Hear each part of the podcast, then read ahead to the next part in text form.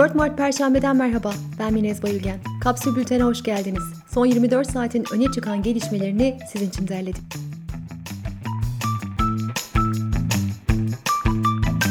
TÜİK, Şubat'ta tüketici fiyat endeksinin bir önceki aya göre %0.91 arttığını açıkladı. Bir önceki ay %14.97 olan yıllık enflasyon %15.61'e yükseldi.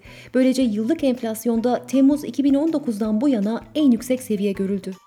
İyi Parti lideri Akşener, HDP fezlekelerine otomatik olarak evet demeyeceklerini açıkladı. Akşener, elbette bu utanmazlığa geçit vermeyeceğiz. Elbette milletimizin hür iradesine saygı duyacağız. Elbette siyasi şovun değil, hakkın ve hakikatin yanında duracağız dedi. İçişleri Bakanı Soylu, salgın tedbirlerine yönelik dinamik denetim sürecine başlandığını duyurdu. Buna göre kamera görüntülerinden ceza verilebilecek. Ayrıca denetim ekiplerine belediye il özel idaresi, meslek odaları ve gıda denetmenleri dahil edilecek. Sağlık ve Sosyal Hizmet Emekçileri Sendikası Şişli Şubesi bir yıldır çözülemeyen sorunlar için eylem yaptı. Ödemelerin adil olmadığını söyleyen ve performans sistemi uygulamasından vazgeçilmesini isteyen sağlık çalışanları, Bakan Koca'nın başarısı bizim sayemizde, hakkınız ödenmez dediler, ödemediler. Alkışla aile geçindirilmiyor, 3600 ek gösterge istiyoruz dedi.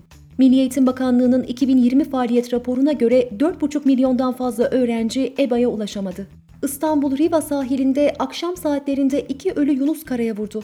Kısa bir süre önce Karaköy, Vaniköy ve Kuleli'de nesli tehlike altında olan tırtık türü 3 Yunus ölü bulunmuştu. Ölümlere balık ağları neden olmuştu. Hacettepe Üniversitesi faz 3 sonuçlarına göre Sinovac aşısının etkinliğinin %83,5, hastanede yatışı engelleme oranının ise %100 olduğu bildirildi. Yunanistan'ın orta kesimindeki Larisa kentinde 6.3 büyüklüğünde deprem meydana geldi. Depremde can ve mal kaybı yaşanmadı. Profesör Doktor Hasan Sözbilir, 4 aydır bölgede depremler olmaya başladı. Bölge önemli bir gerilim etkisi altında. Bu deprem İzmir faylarını tetikleyebilir dedi. Cumhurbaşkanı Erdoğan Fransız mevkidaşı Macron'la görüştü.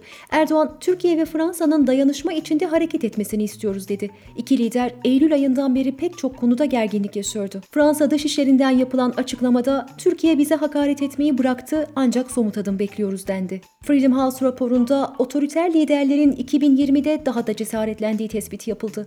Özgür olmayan ülkeler kategorisindeki Türkiye son 10 yıl içinde en büyük gerilemenin görüldüğü ikinci ülke oldu. 73 ülkenin özgürlük özgürlük puanı düşerken bu ülkeler arasında sorunlu demokrasiler kategorisinde yer alan ABD ve Hindistan'da bulunuyor. Raporda Trump yönetimindeki ABD'nin otoriter devletlere malzeme verdiği belirtildi. Irak'ta ABD ve Irak askerlerinin de bulunduğu Ayn el Esad askeri üstüne 10 roketle saldırı düzenlendi. Bu Irak'ta bir ay içinde düzenlenen ikinci roket saldırısı oldu.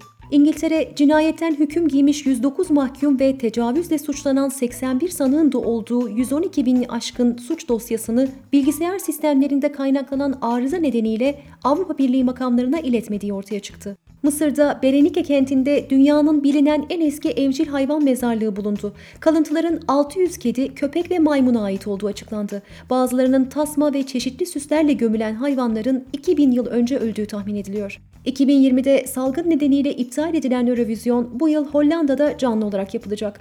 18-22 Mayıs'ta düzenlenecek yarışmaya seyirci katılımı hakkında henüz karar alınmadı.